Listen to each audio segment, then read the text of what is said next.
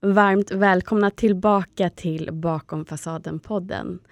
Idag sitter jag i ett soligt men blåsigt Stockholm tillsammans med en eh, person som jag faktiskt go way back med.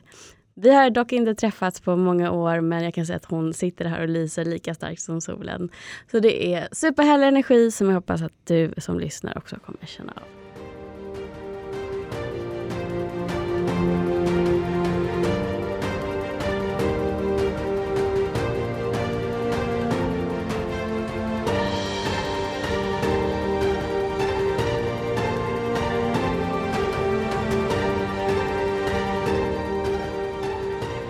Varmt välkommen glitteriga Johanna.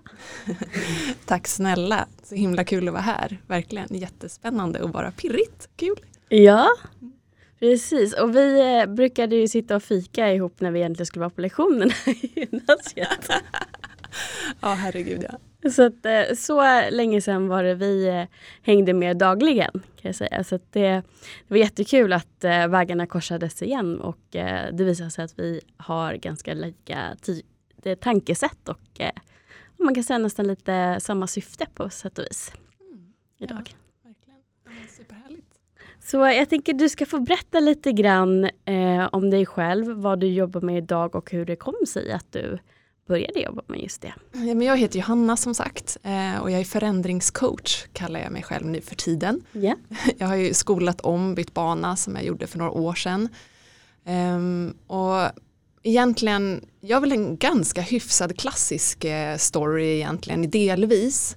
Um, och det här, jag har mycket Alltså jag har mycket av den här prestationsbaserade självkänslan som vi många som har, som, som för mig grundades väldigt tidigt. Mm. Det går ända tillbaka när jag var 6-7 år, eh, när mina föräldrar skilde sig. Eh, och, ja, men det var som att eh, helt plötsligt så var det som att jag jag var inte välkommen längre i vissa delar av familjen och jag kände att där så behövde jag bli någon annan för att för att vara välkommen och också det här som, ja, men att, för att känna sig älskad, inte bli övergiven och hela den biten. Så där på något sätt grundades mina prestationsmönster, alltså ganska mycket ohälsosamma prestationsmönster, att jag började pusha igenom saker och bli någon, en mm. framgångsrik person. Mm. Så egentligen, ehm, om man spolar till fram tills ungefär för tio år sedan, det gick jättebra för mig. Jag gick på eh, civilekonom, Um, och jag fick bra jobb, roliga jobb. Jag jobbade med affärs och varumärkesutveckling i 10-15 år och verkligen älskat mina jobb. Alltså rest runt jorden, utvecklat så fantastiska saker. Uh, och det här var innan barnen då. Och det som hände var egentligen det jobbet som jag hade innan jag fick barn Ehm, var jättefantastisk och jag levde, alltså jag älskade min karriär. Alltså jag, det var typ det enda jag levde för eh, och jag älskade den här bekräftelsen jag fick. Och egentligen där och då så lärde jag mig att använda stress som ett sätt att höja min prestation. Mm. Så jag kunde försätta mig i tillstånd där jag liksom bara maximerade adrenalin eh, och var i mitt det här drivsystemet. Och där älskade jag mig själv. Alltså jag älskade att vara, jag, i, så här, i efterhand så kallar jag det för super-Johanna. Mm. För jag blev knivskarp, jag kunde prata med vem som helst, jag kunde sälja vad som helst, jag kunde jag blev, jag älskade mig själv för jag också hade inte den där självkritiken, jag hade inte dålig självkänsla utan jag kunde bara köra på.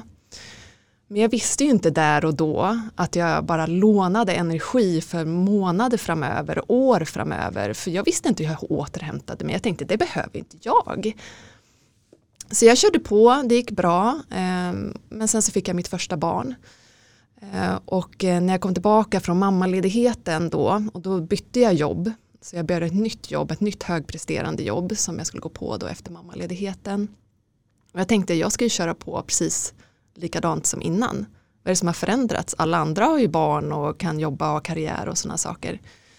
Så jag började på det här jobbet um, och började ganska snart, bara efter några veckor, inse att jag kommer inte upp i den där, det där modet jag hade varit i tidigare, den här dopaminen, adrenalinet.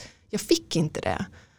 För jag var dränerad på sömn uh, och jag kunde inte skapa det där. Och det var också förvirrande att bli mamma och hela den biten. Så mm, bara efter tre månader på det här jobbet och det var en speciell arbetsplats för många som mådde dåligt så kraschade jag. Och, mm, och det var ju, ja men som alla som har gått igenom det vet ju att mycket, många tankar som kommer upp kring så här, men gud vad svag jag är, jag klarade inte det här, alla andra klarar det här och hela den där grejen du vet. Så, mm, så jag förstod ingenting, jag blev sjukskriven för, på två månader för några akut stresssymptom. Ehm, och ehm, gick sen tillbaka till samma jobb.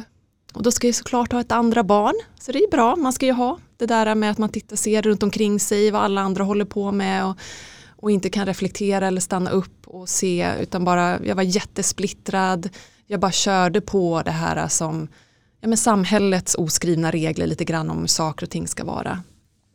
Så vi försökte få ett till barn då och jag bara fick missfall på missfall på missfall på missfall. Och då tänker jag i allt det där, nej men jag måste byta jobb, det är jobbet det är fel på. Så då bytte jag jobb. Eh, jag blev gravid och eh, när jag var på det här nya jobbet. Och på det här nya jobbet så ehm, det var då min pappa blev sjuk första om alltså han blev sjuk för första gången där. Ehm, och sen så var jag då gravid och um, då kraschade jag jättedjupt igen. Och det här var ju inte, det var inte ens ett år efter den första kraschen. Så då kraschade jag djupt och hade ändå en hyfsat bra läkare vid den tiden som sa till mig så här, Johanna, vad, vad vill du leva för liv? Mm. Vad är det som är viktigt för dig på riktigt så? Och jag bara, nej inte vet jag. För jag visste inte det. Och då blev jag sjukskriven under hela min andra graviditet. Då, så jag har det Charlie då som han heter, sex år är han. Det gick bra den graviditeten. Men jag var sjukskriven hela den graviditeten. Eh, och jag känner att jag blir, det här är emotionellt för mig så fortfarande. Mm. Men i alla fall, det som hände då, så jag var sjukskriven och så kände jag så här, nu när jag ska börja jobba igen efter det här så ska jag göra någonting som är hållbart för mig själv. Det funkar inte det här. För min läkningsresa startade det året på riktigt eh, när jag blev, var sjukskriven. Det. Så nu ska jag göra om det här på riktigt. Jag vill inte jobba med någonting som, för att, som skapar ytterligare konsumtion. Alltså jag vill göra någonting, vi pratade lite kort om det innan, någonting som var mer meningsfullt, som jag kände så här, jag är med och bidrar. För jag kände mig tom inombords, jag, var, jag hade ingen glädje och jag, så. Så då bestämde jag mig för att byta bransch. Så då bytte jag från privata, jag jobbat med affärs och varumärkesutveckling, så bytte jag till kollektivtrafik. Jag tänkte vara med och bygga upp samhället och så. så jag, för jag kände någonstans där att jag vill fortfarande jobba med någonting som är utvecklande. För det var ett tag som jag, jag kanske ska sitta i kassan på ICA och förstå mig rätt nu, men att göra någonting som har väldigt så här, enkelt jobb.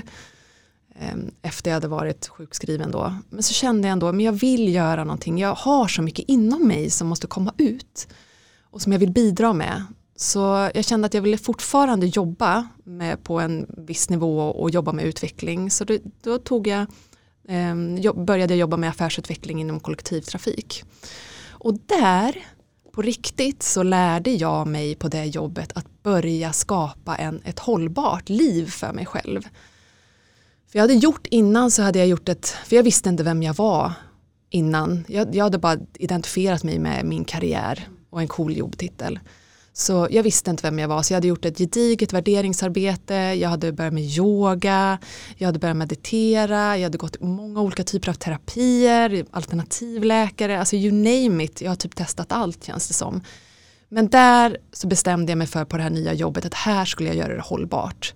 Så jag blev grym på att sätta gränser. Eh, och jag bara, allting, alla små stora beslut tog jag utifrån mina värderingar. Jag blev stenhård. Och jag var ju livrädd samtidigt. För jag sa, kommer inte jag få vara med längre? Kommer inte jag få vara med i roliga projekt? Kommer de tycka att så här, Johanna inte, vi behöver inte ha med henne här, hon ska ändå gå hem klockan tre. Men grejen är att så här, jag blev den första på den här avdelningen som jobbade deltid. Det hade aldrig hänt förut. Eh, och jag blev jätteuppskattad och blev en förebild där på det här företaget. Eh, men jag kände ändå någonstans här, nej men det är nog mer. Jag, jag är menad att göra något mer på den här jorden. Så eh, jag bestämde mig för efter ja, några år att hoppa av och plugga till hälsopedagog. Så jag pluggade till hälsopedagog och sen så eh, startade jag mitt företag Find the Arts. Och efter det, egentligen samtidigt som jag gjorde, tog jag fram mitt livsutvecklingsprogram Glittra. Som, eh, jag ska inte prata långt om det, men, men bara glittra är verkligen, det är min, glittra är min gåva till andra som är fast i den här känslan av så här, det är någonting som skaver, jag vet inte hur jag ska ta nästa steg och bara man har testat massor av grejer men ändå så kommer man inte riktigt framåt och glittra är min gåva att reda ut och komma framåt i livet. Det är liksom mina tio års kondenserade arbete att skapa mer mening, mer glädje, en känsla av frihet. Så, mm, ja, så jag är förändringscoach helt enkelt. Mm. Vad härligt och tack snälla för att du eh, ändå känner dig bekväm med att vara så personlig som det blev. Det, det är viktigare än vad man tror för andra också att få höra vad, vad vi som syns och kanske ser ut som att vi är så himla lyckliga och mår så bra. Men det gör vi ju därför att vi har gått igenom saker som vi sen har valt att ta tag i och läka. Mm. Och sen använda oss av den kunskapen som vi får på den mm. resan för att hjälpa andra att läka sig själva också. Precis. Mm. Och jag tänker också på Eh, glittra, jag vill, jag vill jättegärna prata mer om det eh, också. Eh, men jag är också lite nyfiken på för att vi hade också, nu när vi sitter här idag så har det inte släppts än men eh, avsnittet innan det här kommer handla just om stress och prestation och jag märker att det är väldigt många som har väldigt liknande historier. Mm. Och eh, jag tycker att det ger lite äkta och extra värde just att komma till en coach som vet själv hur det är. Mm. Yeah. Just att kunna komma till någon och veta att det här är ingenting som den här personen har lärt sig i en textbok utan de har gått igenom samma sak som jag håller på att gå igenom. De kommer fatta, kanske utan att jag behöver hitta orden alla gånger. Eh, och det, det ger i alla fall mig, och jag tror verkligen att det gäller för många andra också, ett, en större trygghet när man också söker eh, hjälp någonstans, om det är hos en coach eller man väljer att gå i olika typer av terapi. Man ska ju ta det som man märker hittar rätt hos en själv såklart. Um, men det är därför också jag blir så tacksam över att du väljer att vara så personlig och berätta din historia.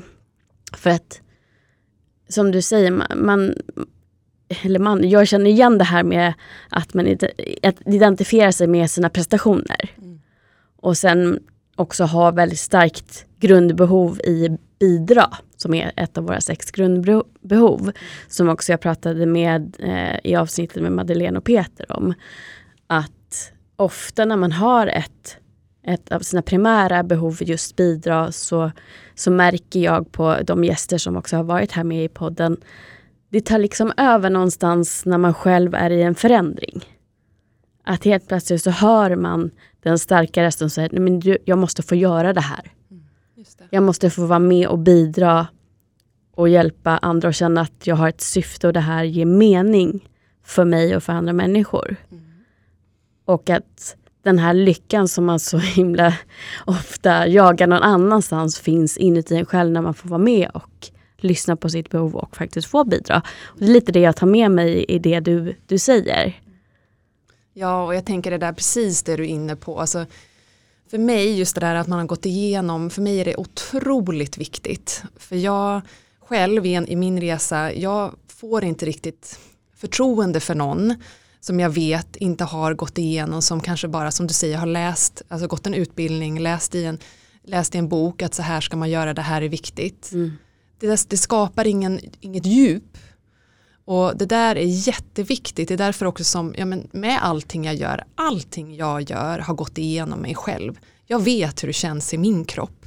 Vad det nu än är, när det kommer till yoga, när det kommer till samtal, allting har gått igenom mig. Och det, det där tycker jag är en jätteviktig bit som du tar upp.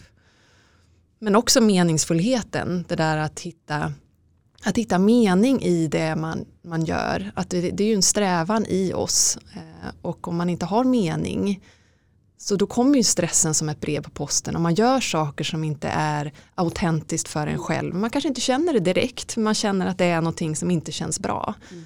Och, eh, men jag tänker också i det här samhället vi lever i, alltså det är så högt tempo. Mm. Det är så sjukt lätt att bara tappa bort sig själv i det här. Och komma bort ifrån att det här, men, och, och bara komma in och, och, som du säger att blicka inåt och känna in. Alltså det är ju inte easy peasy att göra det. Nej. Nej det är det inte men samtidigt så är det också så viktigt att få stilla sig. Mm. Så att man hör rösten inuti. Ja.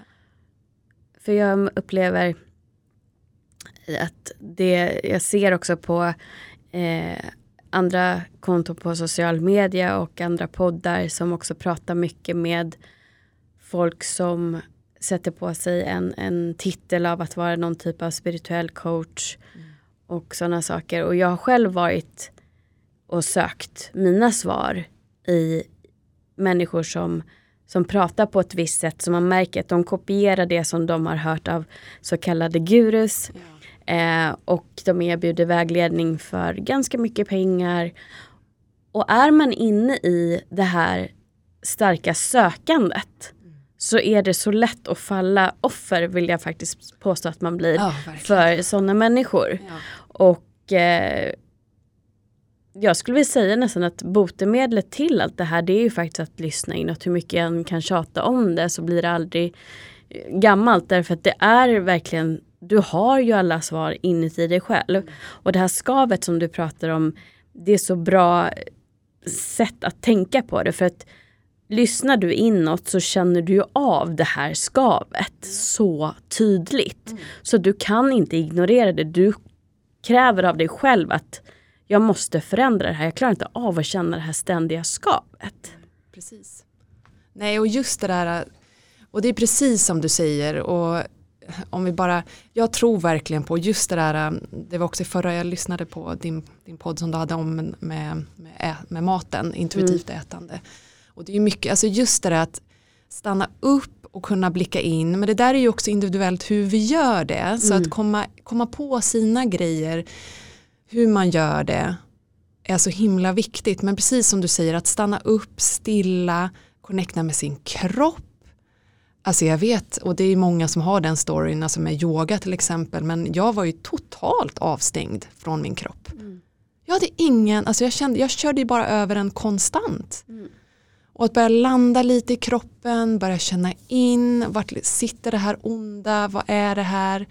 Och få den ingången. Så det är så, nej, men jag håller med, alltså, att stanna upp och börja blicka inåt är ju det viktigaste arbetet vi någonsin, någonsin kan göra. Så är det ju. Ja, jag tycker också att du säger att det är så olika för alla eftersom vi är ju individer och det finns ju inte one size fits all inom det här. Eh, och att på något sätt, jag, jag tänker att det för mig är det spirituellt i sig att bara hitta sin, sin inre röst och börja följa den. Mm.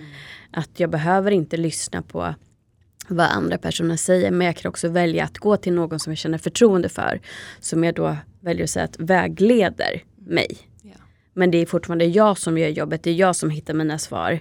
Det är jag som lär känna mig själv och faktiskt börjar lyssna på vad vill jag istället för att bara köra över mig själv för att jag är så himla torsk på den här kicken jag får av yttre bekräftelse. Mm. För det är, det är det vi blir verkligen beroende av när vi växer upp som vi har gjort och får också hela tiden känna att vi premieras när vi är duktiga här och där. Och jag tror också att det var en del varför jag faktiskt inte var särskilt eh, bra i skolan sista åren i gymnasiet. Därför att jag var så jäkla trött på att det var det enda som jag upplevde var, gjorde mig bra nog. Det var om det, det blev bra betyg. Det. det. var då jag kände mig sedd. Mm. Och annars blev det bråk. Så att de åren som, som du egentligen träffade mig först var väldigt turbulenta i mitt liv. Mm. Och när jag tittar tillbaka så känner jag bara att herregud så vilsen jag var. Men det, så vilsen var mina föräldrar också. Vi nådde verkligen inte fram till varandra.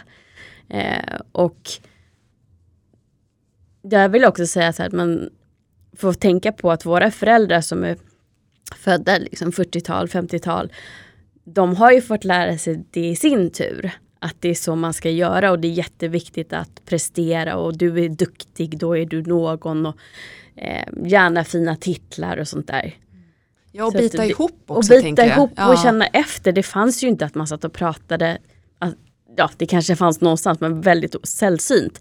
Att man ens pratar om hur man känner eller hur man tänker om saker. Och det var inte ens alla familjer som eh, var fysiskt kärleksfulla. Nej, precis. Så det har ju skiftat väldigt mycket. Så att vi måste också ha förståelse från, för var det kommer.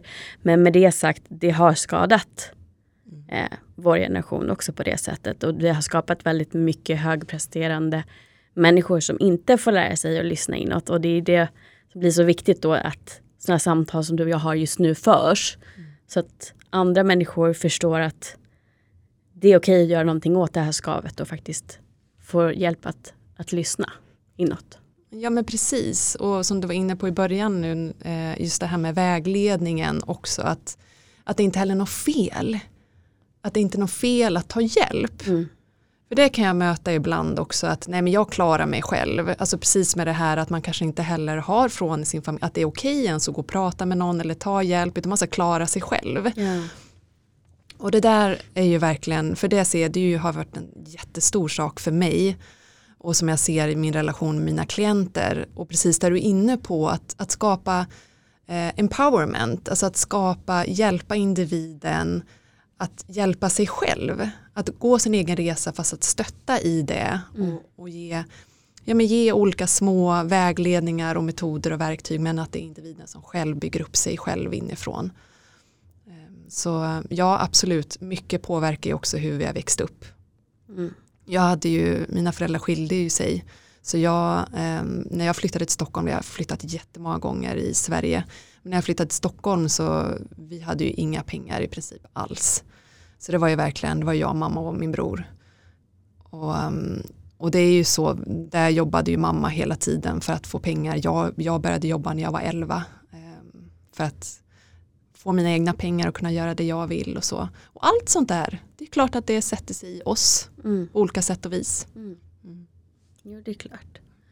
Det, det man inte tänker på ofta och det jag upplever att sociala medier gör som björntjänst för idag det är att det är så sällan man ser under ytan eller bakom fasaden om man vill säga eh, på andra människor.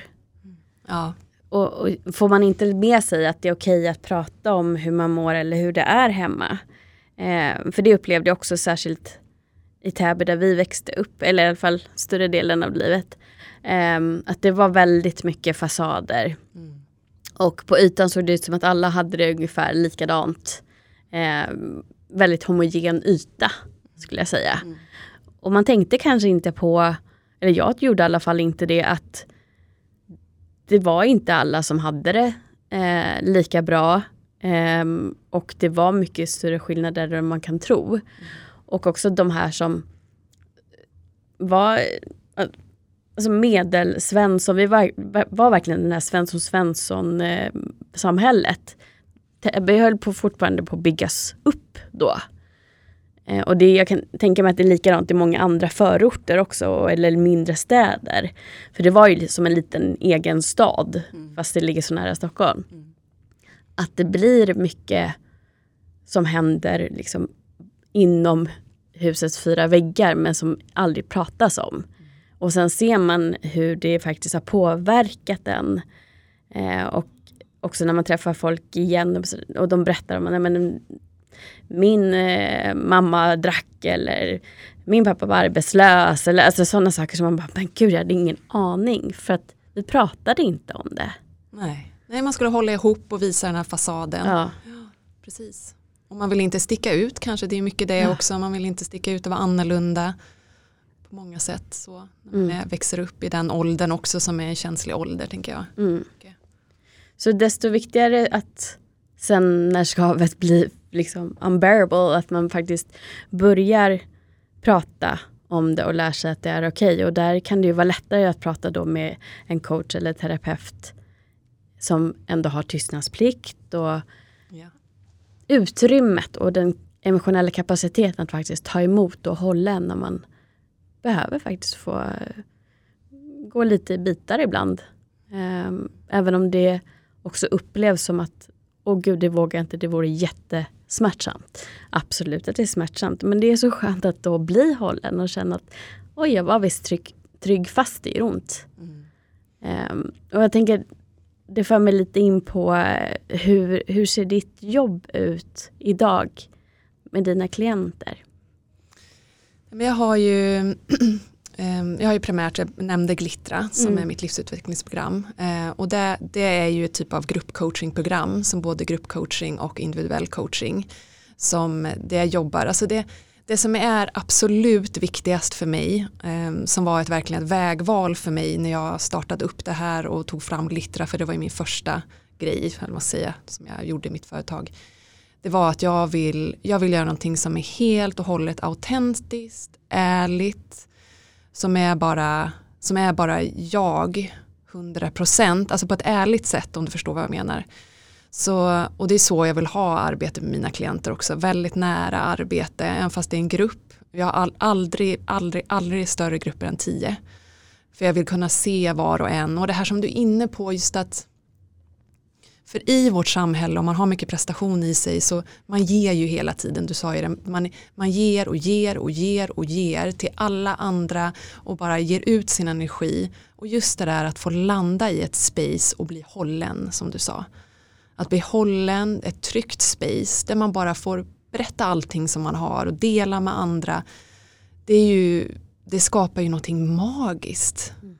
Och jag vet, alltså i början av Glittra, det är, så, det är ofta väldigt mycket tårar. Väldigt mycket tårar, det kommer upp mycket saker. Men just att få bli sedd också i det, för att, för att få ta den platsen.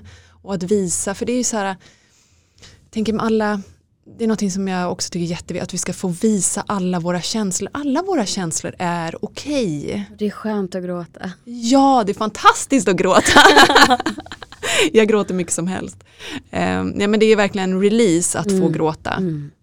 Och det är ju, men det är få, eh, inte få, men det är inte många som känner sig helt bekväma med att ha en gråtande person framför sig kan lätt bli så här, oj, oj, oj, men hur är det med dig nu, så ska vi bara styra upp det här så du slutar gråta så fort som möjligt för att många känner sig obekväma mm. med att ha den här gråtande personen och vet inte hur de ska hantera det.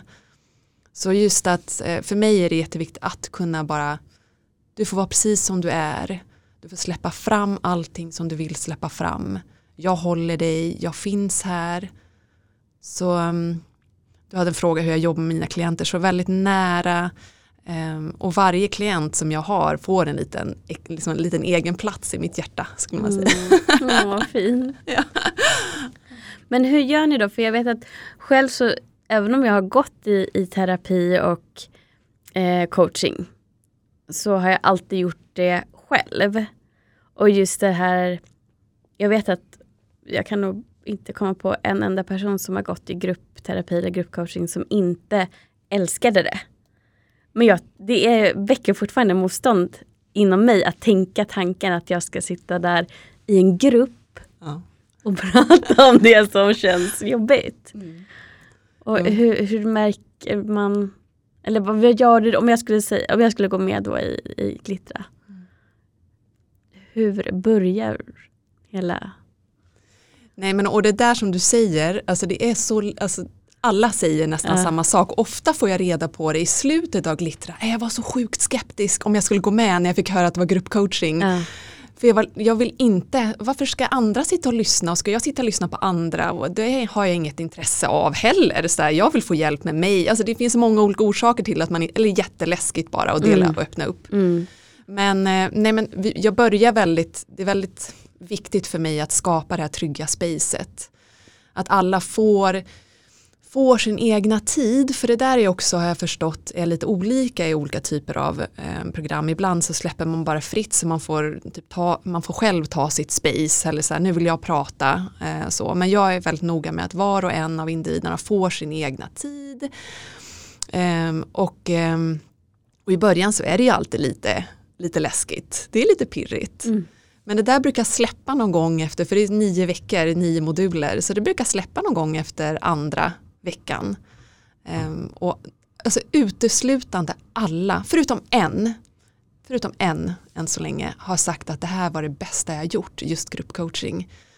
Så, ehm, för det ger ett helt annat, det ger en samhörighet, ehm, just det här med att vi inte är själva i allting, vi sitter i allt det här jobbiga och bara, för det är också, jag startade under pandemin mm. och, och just också men att känna att man, vi delar någonting så grundläggande och djupt, det där är det är så många som längtar efter också att, att ha de här äkta relationerna, att få dela allting. Mm. Ja, egentligen så förstår jag inte varför jag inte lockas mer av det eftersom jag har ett stort behov av just samhörighet. Mm. Och när jag väl träffar människor och har djupa samtal och man delar utifrån sina egna erfarenheter jag tycker verkligen att det är magiskt. Ja. Men det blir ofta one-on-one. Mm. Att jag träffar en person och så sitter vi och pratar och sen går jag därifrån helt uppfylld och lyrisk över känslan av samhörighet och just att också få komma på djupet och få känna att en person också ger en tillit och våga berätta och, och känna att ah, men gud, jag förstår precis hur du känner och, och så, sådär.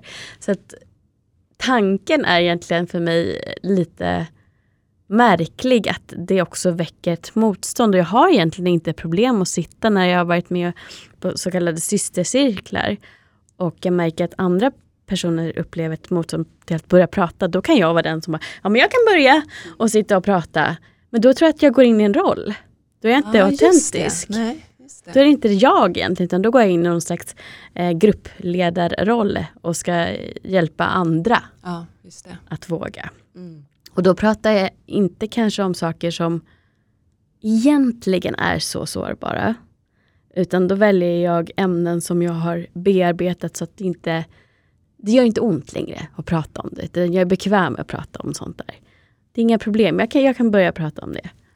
Som med våldtäkt eller sånt där. Det, det, är så bearbetat hos mig. Jag har inga problem att prata med det. Det, det blir inte det här emotionella. Nej, Men ska vi börja prata om kärlek och våga släppa in och våga ta emot saker? Haha, nej. då märker ni, då, börjar, då, då hör man liksom när det, när det kommer nära sådana saker i podden eller om jag sitter och pratar om att jag, jag tycker att det är jobbigt att skiljas åt med, med vänner även om det kanske var för det bästa för att det gör ont i mig. Då, då hör man på rösten att då, då var det darra till där. Ja. Och då blir det ju sårbart på riktigt och autentiskt och ärligt och det här som egentligen skapar den magiska känslan. Mm. Men jag vet inte om det är att jag inte fullt är där att jag kan ta emot då att bli hållen av en grupp. Nej, som man kan tänka mig skulle vara helt fantastiskt egentligen. Det är lite läskigt, jag måste nog prova det här. ja, och jag tänker det där är ju läskigt. Ja. Jag tänker om du är i en cirkel som kanske det varierar vilka personer som, som är i cirkeln, att det inte alltid är samma personer. Mm. Mm. Här bygger man ju också upp, det är läskigt i början men sen behöver man lära känna varandra. Ja. Och ehm, Nej men det, det, är väldigt intressant det du säger eh, och jag tänker och det är också därför som jag har valt som med Glittra då eh, att jag har både individuell coaching och gruppcoaching. Man märker också ofta, för jag, då har jag den första individuella coachingen, ja men någon gång i, det är i eh, vecka tre, mellan vecka tre och fyra. Och då märker man också att det, det är en annan, har hänt någonting annat när var och en av deltagarna träffat mig one to one och sen så går det ut i gruppen igen. Så jag, jag, tycker att just den kombinationen är väldigt fin, att både ha, kunna gå ner på djupet som du pratar om, att bara vara mellan fyra ögon mm. och kunna få fullt fokus av mig i en timme. Alltså kombinationen där, att båda har liksom samhörigheten men sen så också one-to-one är det väldigt fint. Ehm, så. Om jag får gå tillbaka lite grann till, till Johanna. Mm. Du, du nämnde att du hade provat mycket olika typer av terapi själv. Vad har du upplevt har gett dig mest? Alltså det som ja men typ räddade mitt liv. Det var min första riktiga, för jag gick lite i psykodynamisk eh, terapi eh, tidigt så. Eh, när jag var någonting i 20 år, tidigt, alltså 20, tidigt 20 års åldern. Men sen när jag hade blivit utmattad så gick jag i en annan vända så gick jag, först gick jag KBT, det hjälpte inte mig där och då. Men sen så gick jag med en kvinna som är yogalärare och terapeut. Så jag fick terapi i kombination med yogaövningar. Det var det som startade min yogaresa. Det var, ja men det var en life changer för mig. Mm. Det var en, ja men det räddade mitt liv verkligen.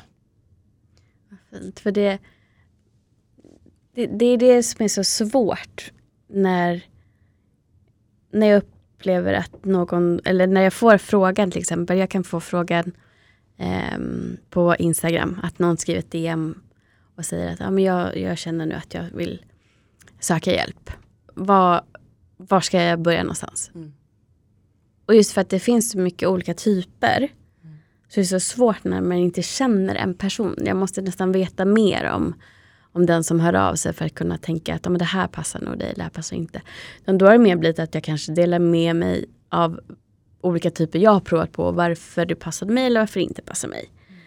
Och min upplevelse är att KBT och psykodynamisk kanske hjälper lite mer ytliga problem eller man ska kalla det kanske så att jag hade velat sluta röka och hade svårt med det. Då kanske jag väljer KBT av den anledningen. Um, psykodynamisk provade jag fem gånger precis när pandemin hade börjat. Uh, för då hade hon, som jag gick till, ett specialerbjudande. Just för att det blev oro och sådana saker. Och då var jag på väg, eller jag försökte ta mig ur den här destruktiva relationen. Mm. Eh, som tyvärr inte lyckades. Men för stunden så lyckades jag ta mig, i alla fall distansera mig från honom. Eh, men nej, jag tyckte inte att jag kom riktigt på djupet Nej. av, av mig och det jag behövde. Men sen har jag gått hos eh, psykosyntesterapeut. Ja. Mm. Eh, hon är också yogalärare faktiskt. Men vi, hon, då sa hon i början på, man går ju oftast då på ett introduktionssamtal. Ja. Eh, de flesta har det. Och då pratade hon om just då att hon använde sig av olika metoder. Och det kunde vara att eh, hon använde typer av yoga också. Nu blev det inte så i vårt fall riktigt. Utan för mig blev det mycket måla. Eh, för att kunna uttrycka vad jag, men, vad jag tänker på för känsla. Och då sparade hon det också. Jag vet att i slutet av eh, den här terapin, jag tror jag gick, vad kan det vara, kanske började i april och slutade, var det året efter i oktober? Ja men ett, säg ett och ett halvt år kanske, något sånt där. Eh, att i början så var det någon bild på en fågel i bur. Och i slutet så var det, en, var det en bild på när fågeln var utanför buren. Åh, fint. Och eh, det har varit eh, också helt magiskt att få gå i psykosyntes Ja, för mig just att man, kom, man jobbar utifrån att se potentialen i människan, att det är olika lager som är en lök som man liksom skalar av allt eftersom och får komma in i kärnan och hitta vem egentligen är jag och vad är mina behov och hur kan jag hitta till mitt autentiska jag och bara få känna att nu lever jag utifrån vem jag är. Och vad- det finns liksom, som du också varit inne på, så mycket normer om hur man ska vara och hur man ska leva och sen bara känna att nej, nu lever jag utifrån vem jag är. Ja. Det blir så befriande som att fågeln i bur får släppas fri. Ja. Och eh, det fanns också stunder under pandemin när det var så jobbigt och det var så skönt att ha just den här underbara terapeuten då. Som jag vet ett tillfälle sa bara, nu sätter vi oss på golvet och så håller jag om dig. Mm. Och jag bara grät Mm. i tio minuter och sen kändes det bra. Men just för att jag kunde inte gå hem till mamma och få en kram just då på grund av att det var så stor smittorisk och sådana saker. Så att det, ja, nej, nu blir jag lite så här, eh, känslomässig för att det betydde så otroligt mycket. Och jag eh, rekommenderar verkligen den typen av, terapi. Och all typ av terapicoachning som just vill att eh, man ska nå fram till sin inre kärna. Mm. Tycker jag är så, så viktig. Och så fint och så vad ska man säga, jag skulle önska att alla fick nå dit. Mm. Att alla vågade också öppna upp sig för att nå dit. Ja men precis och jag tänker det jag får till mig när du, när du säger det här, det, det som är så viktigt också i att man hittar, du sa att um, det kändes som, jag fick den känslan när du berättade att du verkligen fick en bra kontakt med den här terapeuten ja. också. Det är ju där det ofta är nyckeln, att man får, att man klickar då, det mm. låter ytligt men, mm. men att man klickar och känner på ett känslomässigt plan, energimässigt plan att man funkar med den här terapeuten eller coachen. Det där är ju det allra viktigaste. För det märker jag med mina klienter också när vi, det är nästan som att våra själar möts. Ja. Och det är där man kan göra, det är, det är då man kan också komma in och verkligen få den där hjälpen som du säger. Och jag vill bara säga, det är så intressant det här du pratar om med fågeln i buren. Mm. För det där var någonting som jag kände också så länge. Jag hade en som en hel, i meditationer under, under tiden när jag var utmattad och också framöver så hade jag, fick jag hela tiden äh, till mig en, en, visuell bild i meditation att jag var i en bur mm. och jag skakade galler. Och det var verkligen, jag ville bara ut ifrån det här, det som ja, men jag hade satt upp för mig själv och den har jag inte längre. Men det var bara något, det, just det där med att vara i en bur och känna sig fast. Exakt, men det, det, jag tror att det är för att just att, att vi har så starkt behov, i alla fall du och jag, eh, av att få, få leva utifrån vår kärna. Mm. Och få vara med och bidra och, och prata fritt om, om så kallade jobbiga saker. Och får vi inte det ligger de här normerna på våra axlar och bara tynger ner. Mm. Och säger åt oss att du får inte vara dig, du får inte vara du, du ska vara som alla andra, det är så här du ska göra. Du ska ha det här som alla andra har då, då skaver det ju ännu mer och då blir man ju faktiskt som en fågel i bur. Mm. Ja. det är ju liksom, jag, jag skrattade till när du sa det bara för att jag kände, men då vet du ju, du vet ju precis vad jag menar. Ja. Det, och jag tror det är säkert jättemånga som, ja men så, så känner jag också, fast man kanske inte har tänkt på det först förrän man får antingen fram det då i, i meditation eller när hon la liksom kritor och papper och bara måla känslan. Mm. Ja, men precis, locka fram det där, att ja. få hjälp med att nå in och nå fram och nå, precis det här också med som, att skala av lager på lager, att hitta sätt hur man gör det. Eh, hur man kommer inåt. Och det är ju ett sätt, det är ju att börja blicka in meditation och, och det finns många, och för dig nu måla, att hitta sina, för mig i naturen är ju så, så läkande för mig. Jag hittar jämt tillbaka till mig själv när jag kommer ut i naturen. Eh, så att verkligen, nej, precis det där. Jag ställde den frågan på Instagram också. Vart hittar du ditt lugn eller var mår du som bäst eller något sånt där. Och det var ju väldigt många också som skrev skogen och naturen. Och för mig har det alltid varit nära vattnet eller på havet i en båt. Mm. Och det är, också, det är också lite talande för eh, det autentiska i mig. Att jag, jag har en viss frihetslängtan. Mm. Att hela tiden kunna välja vad jag vill göra. Och den fick ju inte heller leva fritt mm. när jag levde under normerna. För då var det att, ja men till exempel som det här med att skaffa barn, att jag hela tiden trodde, ja men den här längtan kommer, för det är så det ska vara. Det kommer, det kommer, det kommer. Och sen få den här krisen när jag fyllde 40 och bara shit, nu har jag inte det här, nu måste alla vara jättebesvikna på mig. Mm. För nu, eh, ut, nu är jag inte så som jag har lärt mig att det ska vara, som samhället har sagt åt mig att det ska vara. Jag sitter inte i ett radhus med två och ett halvt barn och Volvo, Volvo och ring på fingret och en gubbe. Liksom.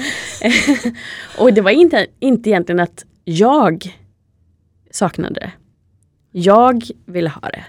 Utan det var att jag trodde att utsidan, alla människor runt omkring mig förväntade sig att jag skulle fylla upp den här Exakt. tanken. Ja. Och det där är ju så viktigt att komma fram till, alltså sådana där nycklar, att landa i de där insikterna. Att börja, att börja bli, jag tycker mycket det handlar om att ja, bli nyfiken, att börja bli medveten, alltså medvetenhet. Mm. Att börja vilja lära sig mer om sig själv, att bli nyfiken på sig själv och medveten om vad jag gör, hur mina tankar går, okej vad har jag för känslor nu, att kunna börja sortera lite i det där.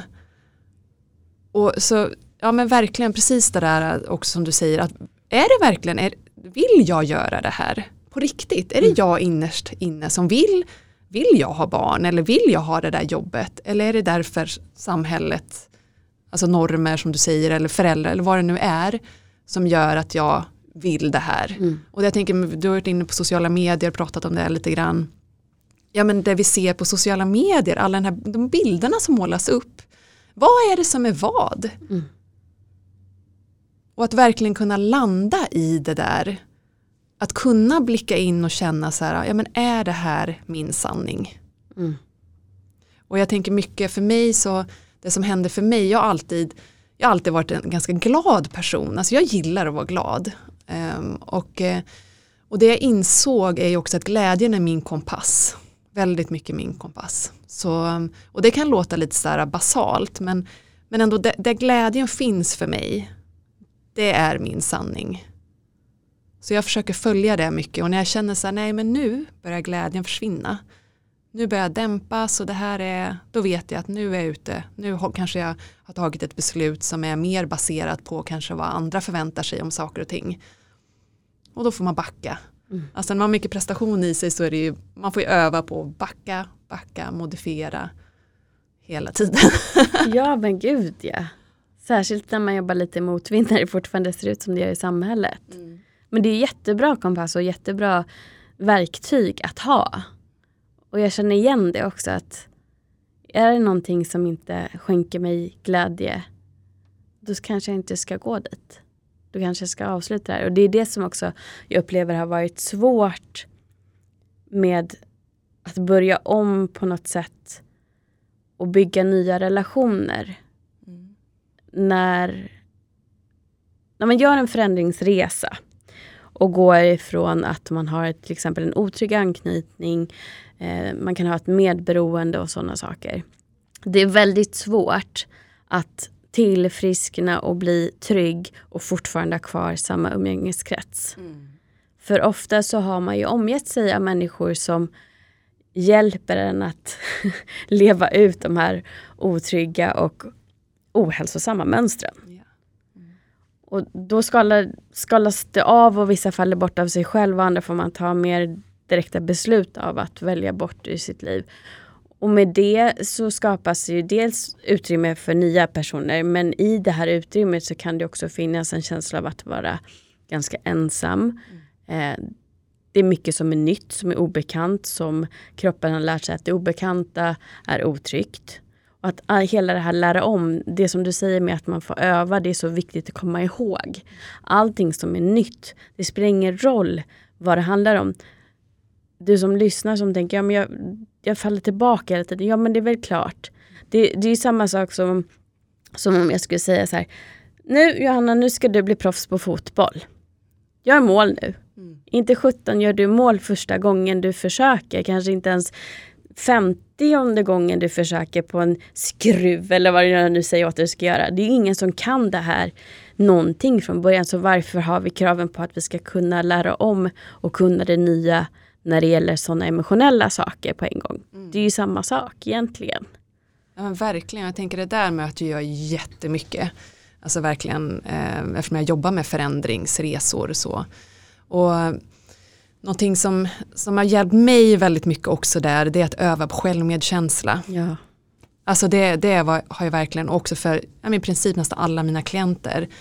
Att förstå det här du pratar om också, att kunna snappa upp sig själv, fånga upp sig själv. Okej, okay ja men vilket system är aktivt nu? Ja men nu, jag känner mig jättehotad, jag är stressad, jag känner jag är svettig om händerna, jag har liksom ångestpåslag, att känna det här i kroppen. Och att där och då kunna komma åt någon typ av mjukhet och förståelse för sig själv. Så, men, men inte så jättekonstigt Johanna att du, du är i det här nu. Du har stressat hela förra veckan. Du var på det där igår, jag var på en begravning igår till exempel. Ja, jag var begravd, så det är inte konstigt att jag kom för sent till den här podden. det är inte alls konstigt. Några minuter. ja, men istället att, hitta, att försöka hitta in till den här mjukheten och förståelsen i det här och sen så att göra någonting som är hjälpsamt där och då. För det här var ju bara ett exempel, jag kom, jag kom ju lite sent då, men jag satt på cykeln, men det är inte så konstigt att jag, att jag missade vart det var någonstans, för jag har haft allt det här. Men vad kan jag göra för mig själv nu? Ja, men ta det lugnt, cykla inte ihjäl dig nu, utan bara, bara kom fram och bara ta det lugnt, cykla i din takt, andas, se dig omkring, för det var det jag behövde. Så just det här med att hela tiden det, det har verkligen varit en nyckel för mig att öva på att inte bli så här, men du är så värdelös Johanna, nu kommer du för sent igen, ja men nu missade du det där igen. Och du är helt värdelös som bara hela tiden missar det där. För det är vi ju experter på att bara piska, piska, piska, Mm. klanka ner på oss själva. Mm. Och det där är ju verkligen en nyckel i förändringsresor att, att öva på, precis som du säger, att öva på. För det kommer, så kommer en hård tanke, ja det gör det, men det, det är så det är. För jag vet, den här klassiska grejen med hjulspår, alltså vi har ju kört samma väg, haft samma, det är ju för 17 autobahn Ja. med våra, och sen försöker vi knalla där vid sidan om i någon snårig litet dike. Ja. Ja, och det är klart att det är lite nice att gå upp på autobahn igen.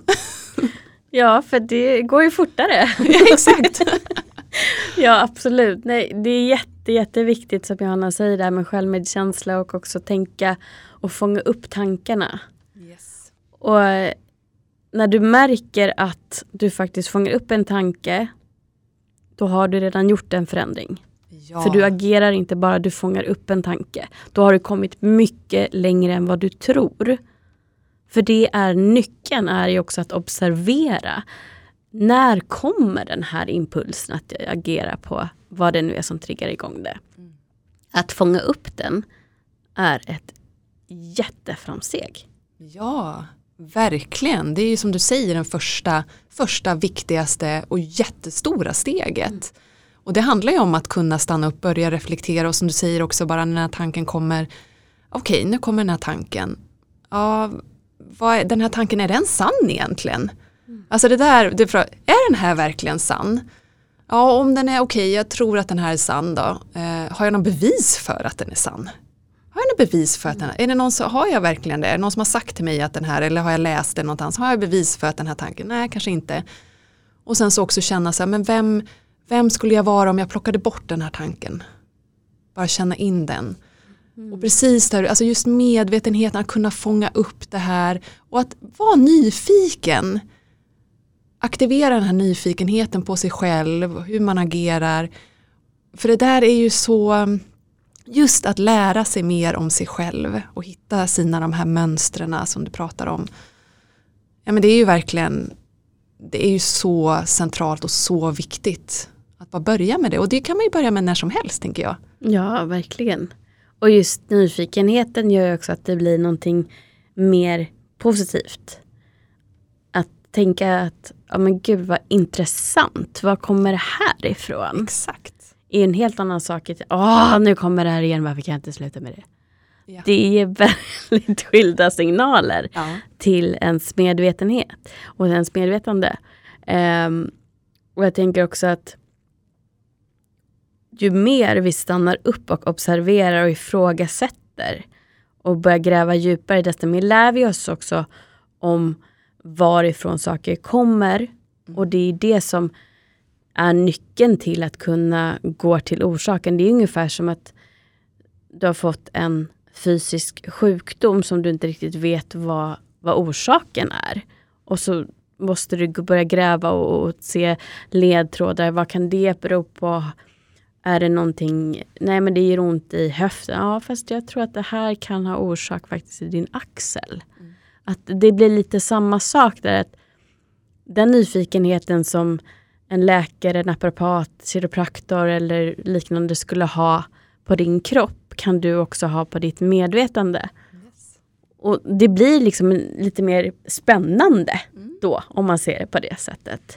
För det är också ofta som att säga att jag, jag vill ta reda på varför jag har så svårt med eh, att låta någon komma nära. ja, men då tror jag kanske att jag är rädd för att någon ska komma nära. Ja, men det måste nog vara för att ehm, eh, ja, men det kan vara en skils, mina föräldrar skildes, säger vi. Nu är ju inte mina gjort det, det där är ett exempel. Eh, och då har jag förmodligen lärt mig att kärlek betyder att eh, bli lämnad. Att man drar en parallell. Absolut kan det ju vara så. Men det kan ju också ha helt andra grundproblem. Som om du då börjar nysta och just gör den här tankeövningen som Johanna var inne på. Det finns ju någon, jag tror att det är Byron Katie som har eh, börjat med det som jag brukar kalla för spiralen. Som också vet att Loving Me After We heter hon på eh, Instagram också har gjort en eh, övning i hennes inner circle som jag var med i ett tag. Just att man också förstår vad det är och det är oftast ens inre barn då som säger någonting ja, till dig. Precis. Som man kommer till när man gör spiralen och går, börjar ifrågasätta sig. Ja men nu, fick, nu är jag så jäkla irriterad på min kollega för att han gav inte mig de här uppgifterna som jag hade behövt. Nu kunde inte jag slutföra den här uppgiften idag. Och nu är det fredag och nu hinner inte jag göra klart. Och då börjar man ifrågasätta, okej okay, men vad är det för känsla som kommer nu? Vad är det egentligen? Och så kanske man till slut när man då har ställt tillräckligt många frågor kommer fram till att det mynnar ut i att mitt inre barn säger att nu är du värdelös. Exakt. Mm. Och ju fler situationer som vid första anblick kan te sig helt annorlunda som ändå mynnar ut i samma tanke, jag är värdelös. Mm. Desto mer visar det på att okej, okay, då vet jag var jag ska börja. Det är det här jag behöver hjälp med. Jag behöver känna mitt värde igen. Mm. Hjälp mig. Och så går man till någon som kan hjälpa en med det. Mm. Det är ju jättebra, de har gått på världens bästa upptäcktsfärd. Mm. Ja men precis. Ja, och det är ju det där, precis som du är inne på, det är så viktigt att förstå och komma till roten av saker och ting. Ja. För det är ju, ja men som med allting, det är, det är så vi på riktigt kan läka. Och förstå vad det är som ligger hela tiden som sipprar, för det ligger ju kvar. Om man hela tiden sätter det där plåstret på um, så finns det ju där kvar och sipprar upp. Och det är ju nej, så, så viktigt att titta på vad man har varit med om och som du säger, liksom olika roller som sitt, ja, men sitt inre barn är ju sina inre barn. Mm. är ju jätte, jättecentrala. Mm. Är det någonting som du jobbar med i Glittra också? Ja, det är en del av den första. Det är som Glittra är som tre olika faser. Förstå, fördjupa och förändra. Och i den här förstå-fasen så är eh, i att titta på vart man har varit, att förstå lite vad man har med sig bakåt som är de här centrala delarna. Så det är bland annat tittar vi lite på eh, sitt inre barn, det är en del av det. Eh, men sen också på andra sätt då, ehm, komma fram och titta på också både, glittra ju både praktiskt och eh, teoretiskt om man kan kalla det för det. Eh, att det är praktiska övningar såsom det här som du lite var inne på det här med att hitta vad det är som, som gör att man kan börja öppna upp och connecta in något. Så det är yoga, meditation, det är dans, det är sångmeditation, massor av olika sådana praktiska då kallar det för mm. övningar. Men sen så också tankeövningar, mycket olika typer av meditationer. Så där har jag en inre barnmeditation till exempel för att börja fånga upp lite grann sina olika barn i olika åldrar och se vad som ligger bakom.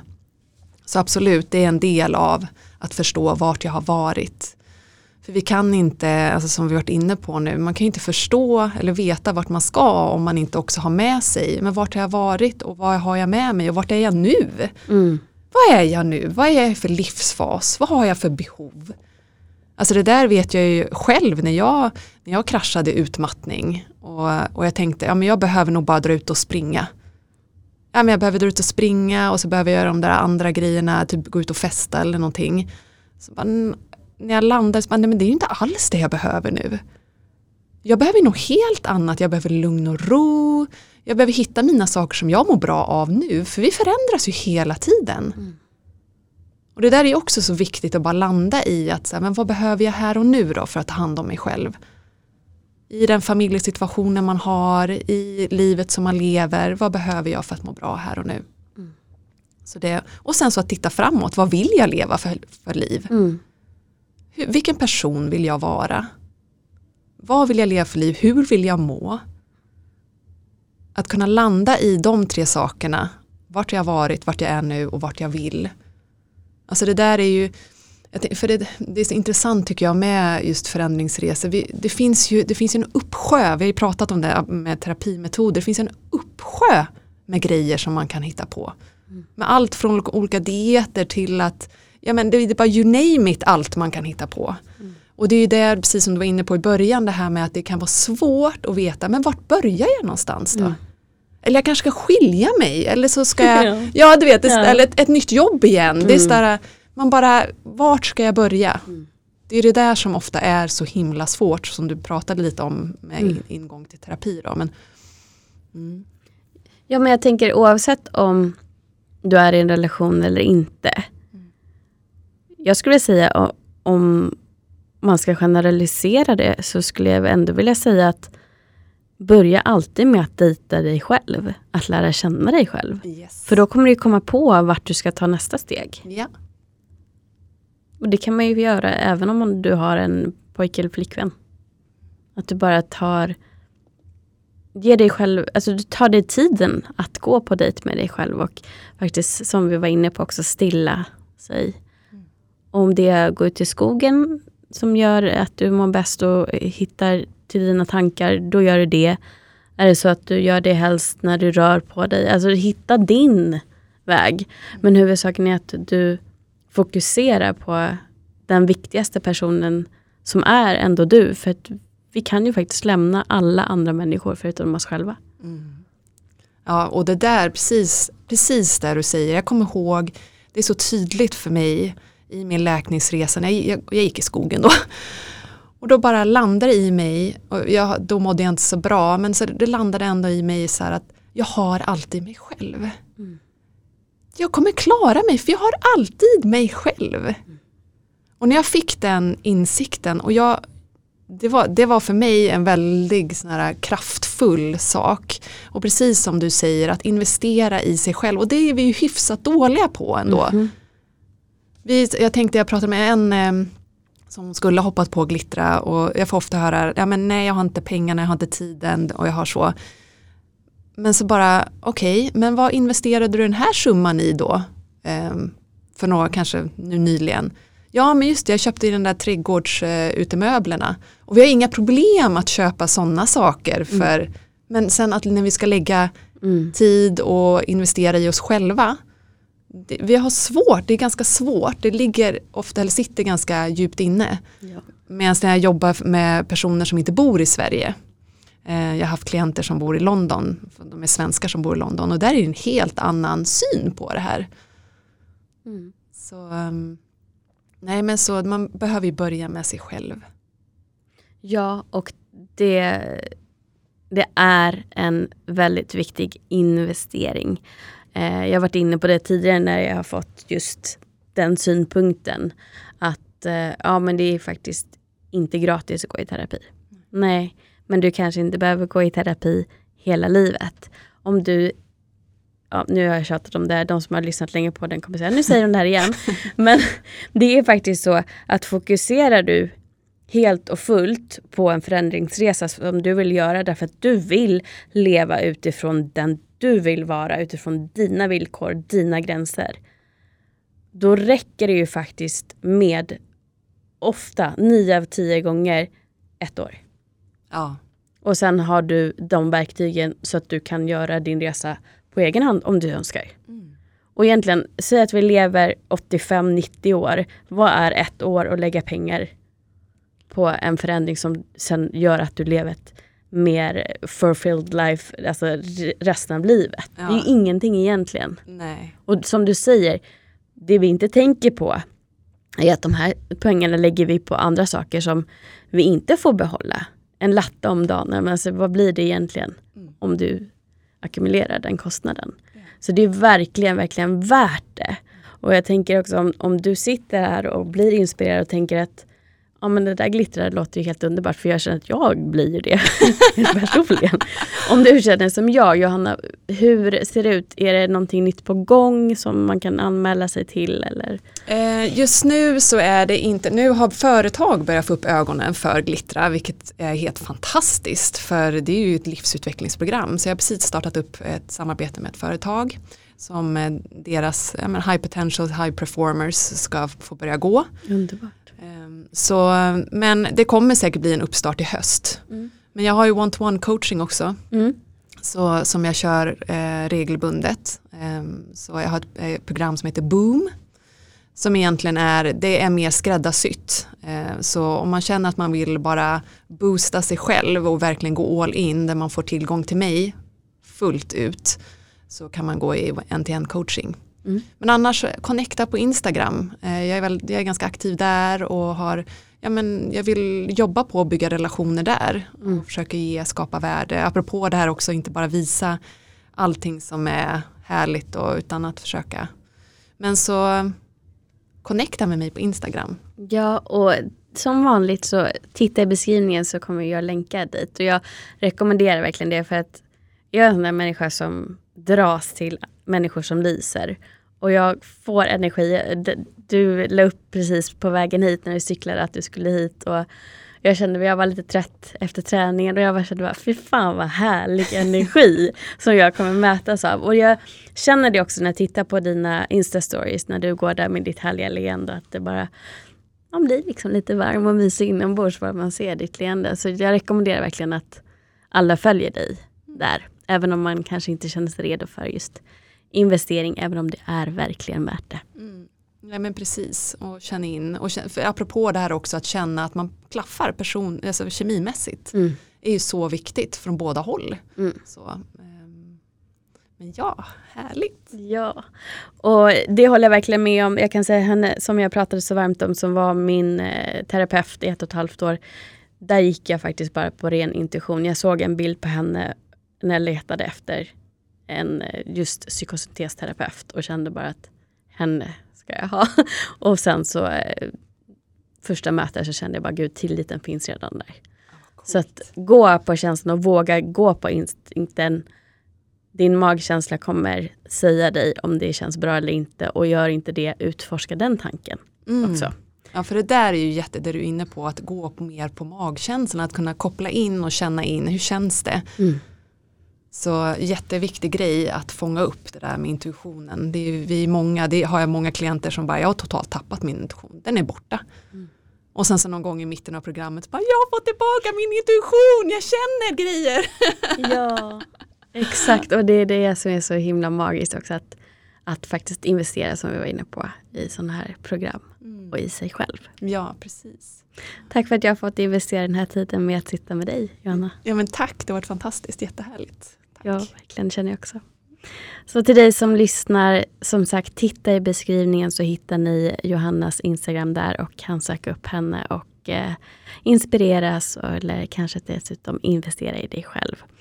Och är det någonting du tänker att du vill prata med mig om så finns ju jag också på Instagram bakom fasaden-podden.